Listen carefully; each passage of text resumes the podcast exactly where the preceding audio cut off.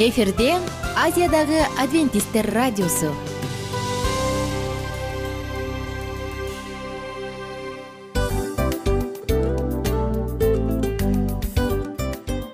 Достор салют. Баардык сүйүктүү угармандарыбызга салам айтабыз. Кутман күнүңүздөр менен.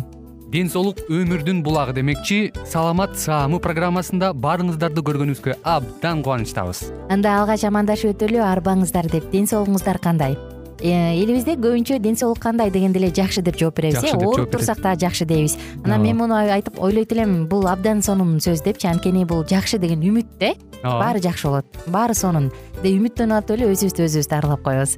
Анысы кандай? Сиздин дагы ден соолугуңуз жакшы беш деген үмүттөбүз чындыгында ден соолук бул өмүрдүн булагы деп бекеринен айтылган эмес деп ойлойм. Кыргыз элинде анткени эгерде ден соолук жок болсо анда адамдын жашоосунда калган баардык керектүү маңыздуу нерселер өзүнүн баалуулугун жоготуп коет. Ошондуктан ден соолук бул эң керектүү нерсе. Ооба туура айтасың кесиптешим. Чынында ден соолугуң жок бир эки үч күн ооруп калсаң эле э кандай болуп калат? Жашоодо көз каранды болуп каласың көп нерсеге жетишпей каласың көп нерсени кыла албай каласың. Жада калса эшикке дүкөнгө да чыга албай каласың. Туптуура анан ден соолук болсо демек биз биздин бактыбыз тотой деп койсок болот. Анда достор саламат саамы рубрикабызды баштайлы. Алдыда өзүңүзгө керектүү болгон сонун кеңештерди уга аласыздар. Мына ошондуктан биз менен бирге болуңуздар. Ал эми биз болсо милан жана айнура. Кеттик алга. Алга саламат саама ден соолуктун жарчысы. Саламат саама ден соолуктун ачкычы. Күн сайын сиз үчүн мыкты кеңештер сонун жаңылыктар кызыктуу фактылар. Биздин рубрикада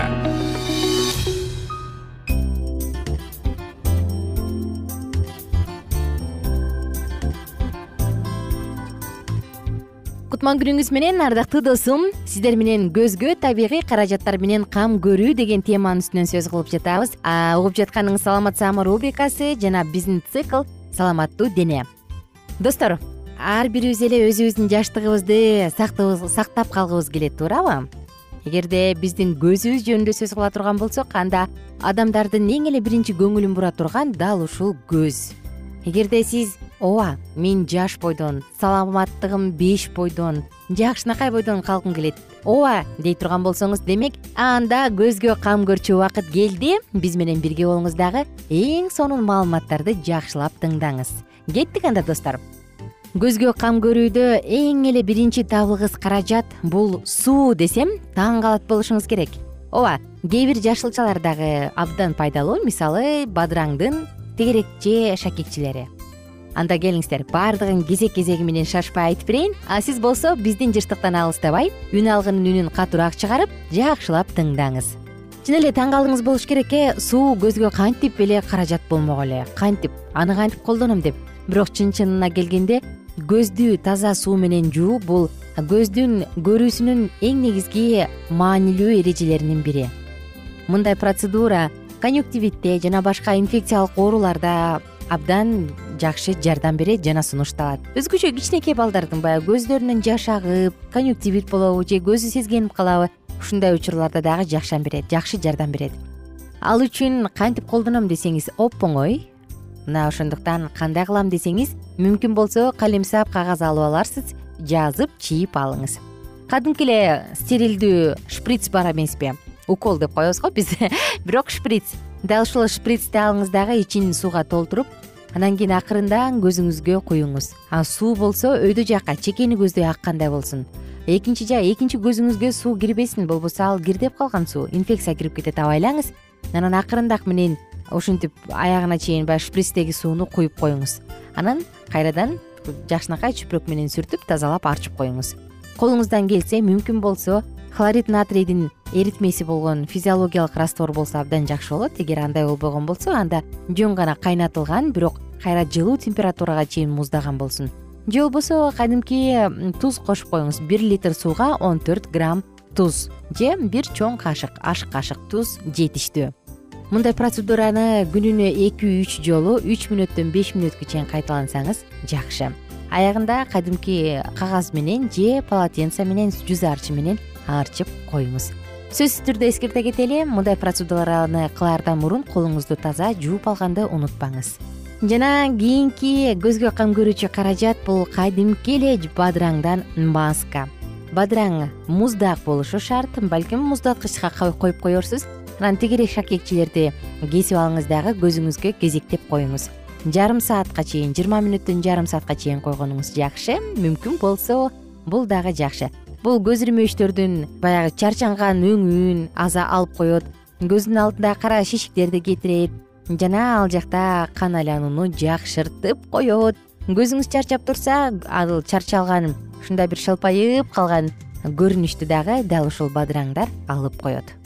Кийинки дагы бир процедура бул көзгө жасалуучу ванна. Ванна десек таң калат болушуңуз керек анткени биз денебизди салып көнүп калганбыз да. Э ооба достор кадимки эле көзгө дагы ванна жасалат. Ал үчүн сиз атайын тунтурмаларды жасап алсаңыз болот. Балким мүмкүн ромашка же тимян болобу. Кадимки эле ушул чөптөрдөн настойка тундурма жасап алыңыз. Эгерде сизде албетте аллергия жок болсо.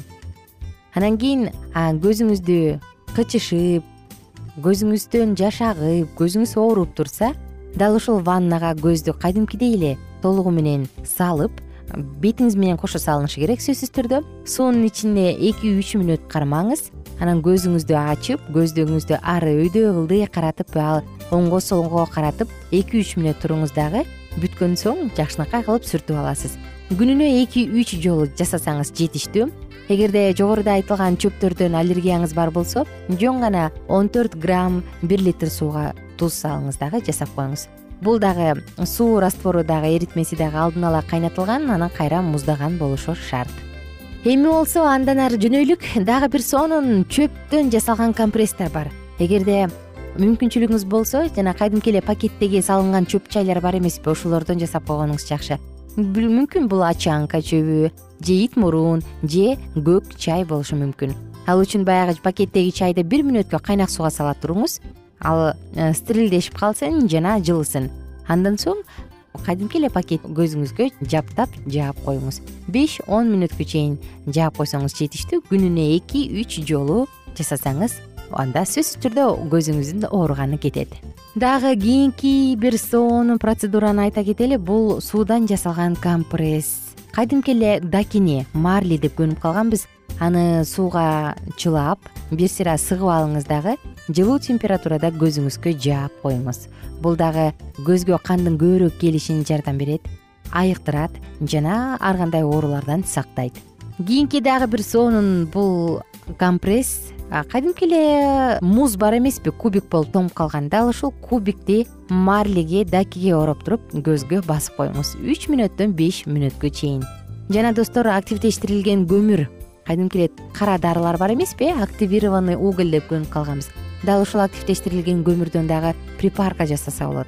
Аны биринчи майдалайсыз майдалагандан кийин ага бир нече тамчы ысык суу кошосуз.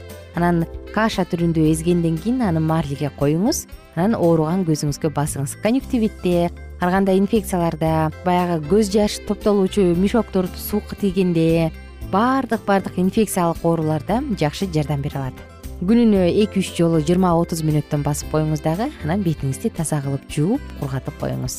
Достор булар кадимки эле шартта жасала туруучу компресстер көзүңүздүн сулуулугун саламаттыгын кам көрөм десеңиз буларды жашооңузда колдонуңуз.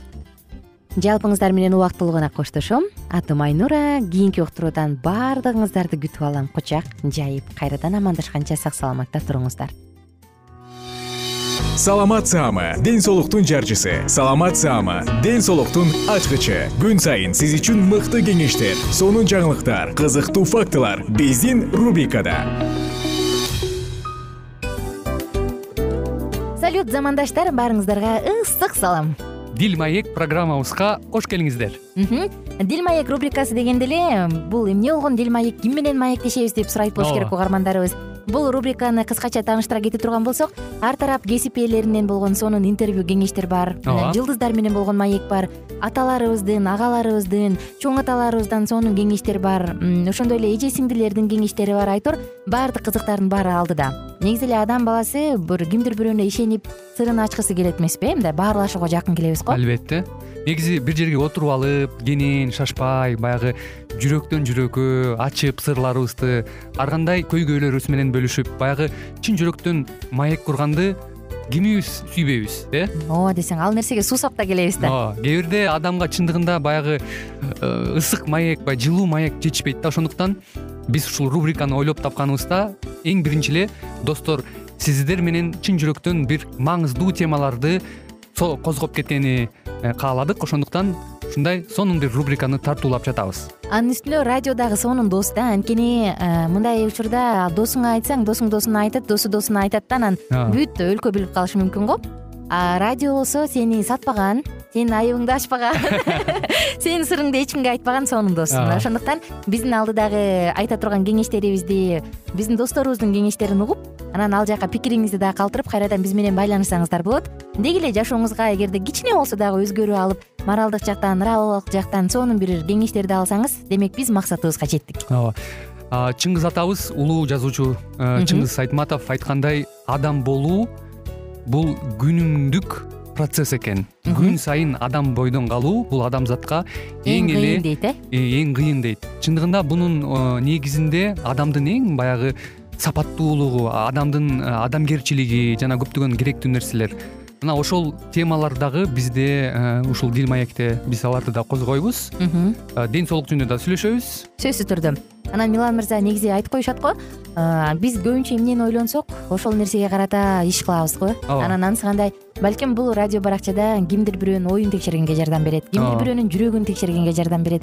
Балким кимдир бирөөгө жашоонун маңызын тапканга жардам берет айтор кызыктын баары алдыда бул жөн гана кыскача жарнама анда угармандарыбыздын баардыгын кийинки рубрикабызга чакырабыз. Ал эми кызматта маңдайымда отурган кесиптешим милан жана мен айнура. Анда эмесе биз даярдаган терең терең ойлор менен таанышууга кеттик. Алыс алыс баралык. Анда эмесе достор биз менен бирге болуңуздар. Алдыда эң кызыктуу маалыматтардын баардыгы бир нече мүнөттөр бою жалгыз гана сизге арналат. Мына ошондуктан жакшы маанай менен угууну каалайбыз. Үн алышканча. Жөнөдүк. Ар түрдүү ардактуу кесип ээлеринен алтын сөздөр жүрөк ачышкан сыр чачышкан сонун маек дил маек рубрикасында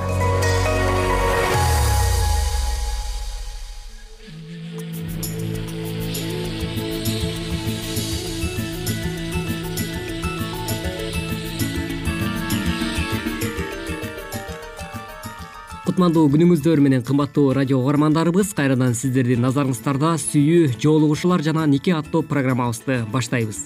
Бүгүнкү программабыздын чыгарылышында биз э, деги эле кыз жигиттердин ортосундагы э, бири бирине карата болгон жактыруу сезимдеринин алкагында сенин жашооңду ошол эле учурда жамандыктан куткара турган бир нече кеңештер туурасында бүгүнкү программабызда сөз кылабыз. Андыктан биздин ободон алыстабай дал ушул мүнөттөрдө биз менен биргеликте болуңуз бүгүнкү биздин программада кээ бир кеңештер кыздарга да жигиттерге да тиешелүү. Ал эми айрым кеңештер кыздарга же жигиттерге гана ылайыктуу. Биз эки тарапка тең тиешелүү кеңештерди баштайлы. Жок деп айтканды үйрөн. Жаштар болгону үч тамгадан турган жок деген эң маанилүү сөздү айтканды үйрөнүшү керек. Акыркы чечим катары чечкиндүү түрдө жок деп айтканды үйрөн. Жаман жолдорго жок деп айт. Адеп ахлак эрежелерин бузуп сени жардан ары түрткүсү келген жигитке же кызга жок деп айт. Өзүңдүн каалоолоруңа жана денелик кумарларыңа дагы жок деп айтканды үйрөн. Кимдир бирөө менен жоолугуудан мурда өзүңдүн чечимиңди белгилеп ал. Бул сүйлөшкөн кызыңды же жигитиңди жоготууга алып келсе да алдын ала өзүңдү карман. Өзүң үчүн коменданттык убакытты белгилеп ал. Башкача айтканда сен үйгө кайтып келе турган убактыңды такта эгер ата энең бул тууралуу эч нерсе дебесе да сен өзүң үчүн бир убакытты белгилеп алышың керек. Түнкү сейилдөөлөр жакшылыкка алып келбейт. Ошол эле учурда кыз менен жигит сүйлөшүп жүргөн учурларда. Мисалга алсак мисалы кыз менен жигит э, ошол эле автоунаанын ичинде болгон учурда же болбосо автоунаада кетип бара жатканда эгерде экөө жалгыз болсо жөн эле жерден өзүңдүн машинеңди токтотпо. Мунун көптөгөн терс жактары бар силер үчүн эң коопсуз жер бул кыздын ата энесинин уруксааты менен алардын конок үйүндө баарлашуу ошондой эле урматтуу жаштар бири бириңерге карата болгон сүйүү сезиминде эч убакта бири бириңерге карата болгон жыныстык каалоону ойготпошуңар дагы керек. Эгер мыйзам чегинде кимдир бирөөнүн жыныстык каалоосун канааттандыра албасаң бирок ошол адамга жыныстык каалоонун пайда болушуна да жол берсең бул күнөө болуп саналат. Ошондой эле урматтуу кыздар жана балдар өзүңөрдүн ойлоруңарды таза сакташыңар да керек экен. Адепсиз китептерден фильмдерден жана теле көрсөтүүлөрдөн кач. Таза ойлор бул баа жеткис байлык. Бирок сен аң сезимиңди ар кандай таштандыларга толтурсаң ойлоруңду таза сактай албайсың. Мындан сырткары дагы атайын кыздар үчүн дагы кеңештерибиз бар. Кыздар үчүн атайын кеңештердин бири досторду туура тандап бил. Жигитиңди сөзсүз ата энең менен тааныштыр эгер сенин атаң же байкелериң каршы болушса ошол жигит менен жолугушпай эле койгонуң жакшы. Аялдарга караганда эркектер бири бирин жакшыраак билишет.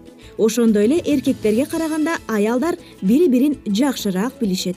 Ошондой эле урматтуу кыздар силер дагы өзүңөрдүн кийип жүргөн кийимиңерге башкача айтканда жүрүш турушуңарга же болбосо турган турпатыңарга көңүл бурууңар дагы зарыл экен сен сөздөрүң менен өзүңдүн мамилеңди билдирген сыяктуу эле. Кийген кийимиң да сен жөнүндө көп нерсени айтып турат. Кийинген кийимиң аркылуу дагы башка бирөөгө азгырык болбошуң керек. Силерден башка эч ким жок болсо досуңдун үйүнө кирбе же анын өзүңдүн үйүнө чакырба. Көпчүлүк жаштар жаман ишке баргысы келишпейт бирок эң өкүнүчтүүсү азгырууга каршы тура албайт. Эстерине келгенде кеч болуп калгандыгын түшүнүшөт жана ошондой эле бул туурасында атайын жигиттер үчүн дагы бир нече кеңештерибизди айта кетели. Күн сайын сенде дене тарбия жасаганга эң сонун мүмкүнчүлүгүң бар. Эгер сен күн сайын дене тарбия жасап машыгып турсаң өзүңдү жакшы сезип жыныстык каалоолоруңду дагы башкара билгенди үйрөнөсүң. Көнүгүүлөрдү жасоо ашыкча энергиянын сарпталышына жардам берип ички чыңалуудан бошотот. Эки саат ашык футбол же баскетбол ойноп же эки үч километр чуркагандан кийин. Кечинде кыздарды издеп жөнөбөйт болушуң керек деп ойлойм. Ошондой эле өзүңдүн жеке жашооңдо руханий жан дүйнөңдү байытканга дагы аракет кылсаң болот. Кудай кыздардан тазалыкты кандай талап кылса жигиттерден да ошондой эле тазалыкты талап кылат. Ал жигиттерден рухий жактан жетекчиликти өз колуна алышын күтөт. Сүйлөшкөн кызына карата сен да ушундай жоопкерчиликти алсаң кандай болот мындан сырткары дагы жигиттер үчүн эң маанилүү эрежелерди дагы айта кетпесек болбос.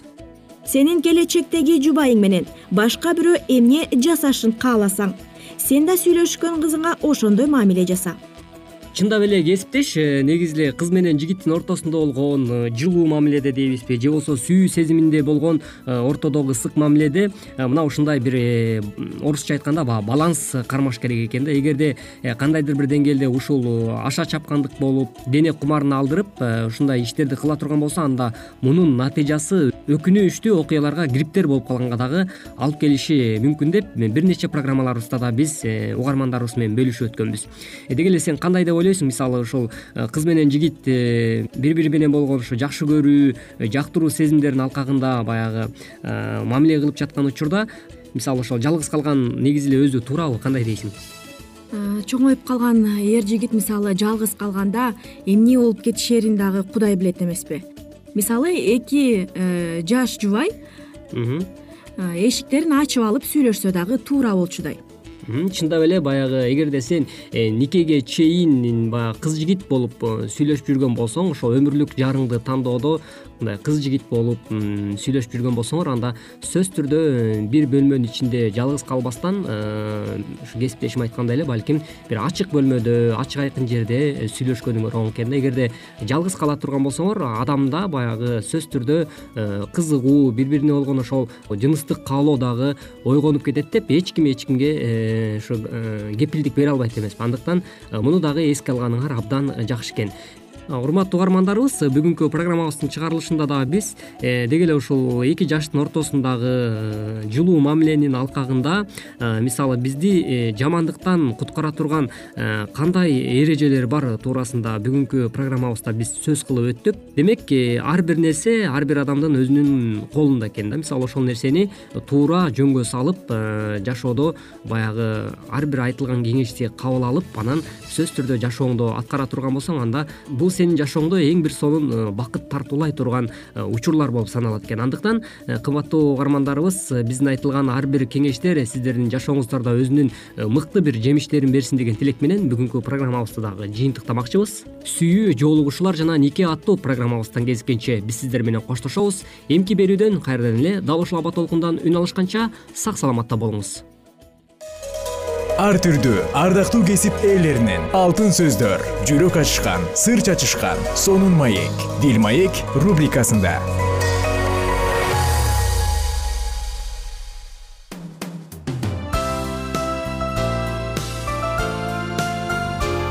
Эфирде азиядагы адвентисттер радиосу.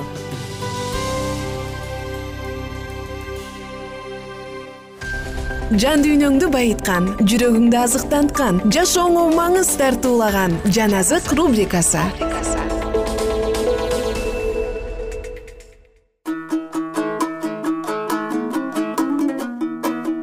Саламатсыздарбы кадырлуу замандаштар жалпыңыздар менен бирге жан азык уктуруусу башталды жана бүгүн сиздер менен бирге улуу күрөш китебин бирге улантабыз бирок мамлекеттик мыйзамдарды барк албагандык түгөл ааламды башкаруучу кудайдын жазган мыйзамдарын тебелегенден жогору кылмыштуураакпы? Мамлекет мыйзамды өзгөртүп өз тургундарына өз каалаганындай иш жасоого жол берди дегенди күтүү түгөл ааламдын башкаруучусу күнөөкөрлөрдү айыптап жана адилеттүүлүгүрдү актай турган өз мыйзамын жок кылып дүйнөлөрдү мыйзам таразасыз калтырды дегенге караганда ишенерлик нерсе кудайдын мыйзамдарын барк албагандык эмнеге алып келе тургандыгын силер билесиңерби мындай тажрыйба алгандар дагы өткөн. Францияда атеизм бийлик кылганда кандай кайгылуу кездерди өткөрүшкөн. Ошондо дүйнөнүн бардыгына теңирдин бийлигинен бошонуу менен биз өтө каардуу канкордун кол алдында калып кала тургандыгыбыз белгилүү болгон. Качан адилеттиктин таразасы алынып таштала турган болсо ошондо караңгылыктын мырзасына анын падышалыгын жер үстүндө орнотуу үчүн жол ачылып берилет. Кудайдын алдын ала жазып калтырган нерселеринен баш тартыла турган болсо ал жерде күнөө орун албагандай ал эми адилеттик өзүнө тартып турган сыяктанат. Ким жаратуучуга баш ийүүдөн баш тартса өзүн башкаруу үчүн жөндөмдүүлүгүн жоготот. Алардын өлтүрүүчү окутуусу өз жаратылышында эркиндикти сүйгөн тиле албаган жаш жүрөктөн орун алып акыры жыйынтыгында коомчулукта мыйзамсыздык жана ээн баштык өркүндөйт. Жеңил ойлуу адамдар кудайдын талаптарына баш ийген адамдарды шылдың кылышканда көпчүлүк адамдар шайтандын азгырууларына берилишип аларга кошулушат. Алар бутпарастардын үстүнө түшкөн кудайдын каарын алуу максатында күнөөнүн жана бузукулуктун жолуна багыт алышат. Ким адамдарды кудайдын мыйзамдарына жеңил ойлуулук менен мамиле кылууга үйрөтө турган болсо козголоңдун үрөөнүн сээп жатат жана эртеби же кечпи алардын үстүнө жамандыктын толкуну урунат. Кудай мыйзамдарынын токтотуп турганын алып таштасаңар жана көп узабастан адамдардын чыгарган мыйзамдары дагы аткарылбай калат. Жараткан адепти буза турган жалгандык көрө албастык иштерин айыптагандыктан адамдар өздөрүнүн жердеги сүйгөн жашоосун өзгөртүп турган анын көрсөтмөлөрүн талкалоого даяр. Бирок бул жазууларды алып таштагандыктын акыры алар үчүн күтпөгөн олуттуу окуя болуп калат. Эгерде мыйзамды аткаруунун кажети деле жок боло турган болсо аны бузгандан коркуунун эмне кереги бар? Жана ошондо адам менчиги коркунучка кабылат. Адамдар өз коңшуларынын мүлкүн басып алышат жана ким күчтүү боло турган болсо ал эң бай адам болуп калат. Өмүргө болгон урмат сый жоготулат. Жубайлардын бири бирине берген анты аткарылбай калмак. Күчтүү адам каалай турган болсо өз жакынынын аялын тартып алмак. Төртүнчү осуят менен кошулуп бешинчи дагы жок кылынмак.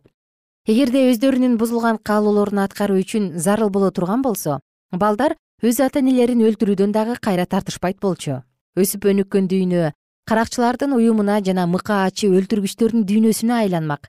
Жер үстүнөн тынычтык бейпилдик жана бакыт бир атоло жок болот эле. Адамдар кудайдын мыйзамдарын аткарбай деле койсо болот деген окутуулар азыртадан эле адеп ахлактыктын милдетин алсыздантып жана бузукулукка жол ачып жатат.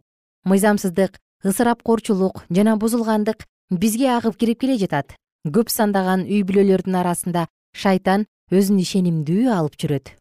Өзүн машаяк жолун жолдогон адаммын дегендердин үйүндө анын туусу жогору көтөрүлүп көрө албастык күмөн саноо эки жүздүүлүк арасы алыстоо эрегишүү душмандык сатып коюучулук жаман денелик кумарларга берилгендик өкүм сүрүүдө.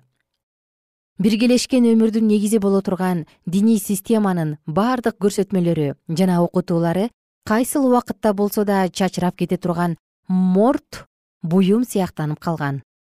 Эң эле көрүнүктүү кылмышкерлер коомчулуктун таштандылары өз кылган кылмыштары менен түрмөлөргө жатышып көпчүлүктүн көңүлүнө толо турган адам болуп келишүүдө. Аларга кандайдыр бир баатырдык кылып келген сыяктанып белектер берилет.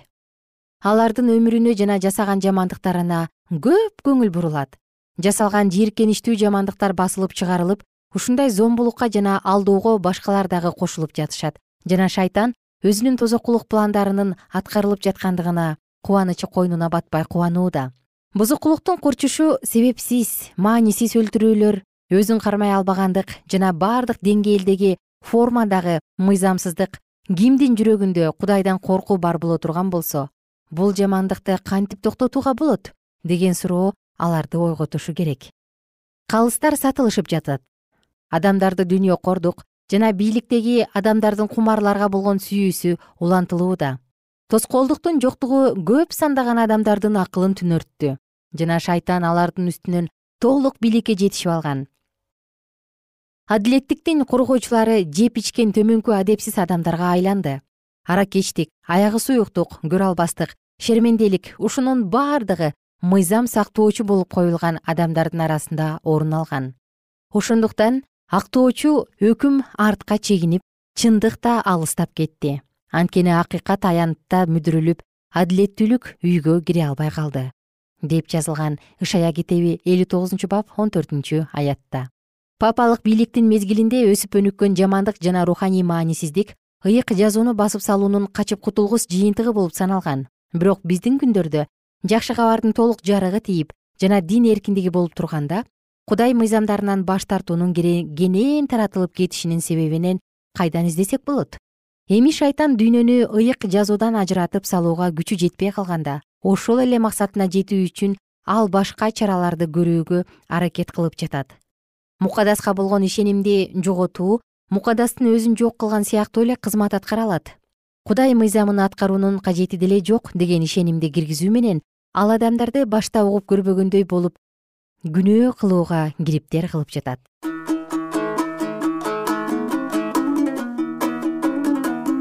Кымбаттуу биздин угарманыбыз сиздер менен бүгүн дагы улуу күрөш китебинен эң сонун сөздөрдү окуп өттүк баарыңыздар менен убактылуу гана коштошом жана кийинки уктуруулардан кайрадан амандашканча сак саламатта туруңуздар. Баардыгыңыздарга жаратканыбыздын батасын каалайм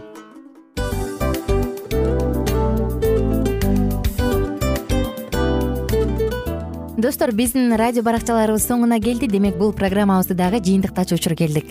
Учурга келдик. Анан кесиптешимден сурагым келип турат. Негизи эле иштин башталып атканы кубандырабы сени же жыйынтыгы кубандырабы албетте жыйынтыгы. Себеп дегенде сен кылган ишиңдин жыйынтыгын көрүп э, баягы мөмөсүн көрүп дегендей жыргайсың жүрөгүң жемишинен тартып э кандай даамдуу деп. Баягы буудай сепкенде эмес буудайдын эгинди жыйнагандан кийин ысык нанды жегенде кадимкидей ырахаттанасың го. Ой айтпа туура айта кеттиң сонун салыштыруу болду анан мен дагы абдан кубанып турам. Анткени биз угармандарыбыз үчүн аябай эмгектенип келген уктуруубуздун соңуна келип калдык. Анан эми э, уктуруубуздун соңунда угармандар кандай пайда алып калды экен деп күтүп турам да. Балким э, менин жашоомо өзгөрүү киргизе турган сонун сөздөр болду. Мен ушул нерсени изилдеп анан кабыл албасам ушул нерсени кылбасам деген чечим чыгарсаңыз анда биз абдан кубанычтабыз. Сөзсүз түрдө. Андыктан кийинки биздин кызыктуу уктурууларыбыздан көрүшкөнчө сак саламатта калыңыздар. Чыдамсыздык менен сиздерди мен милан жана кесиптешим айнура күтөбүз баардык угармандарыбызга ийгиликтүү күн каалайбыз. Качан гана болбосун уртуңуздан жылмаюу кетпесин үйүңүздө көмүр жүрөгүңүздө көңүл болсун дейли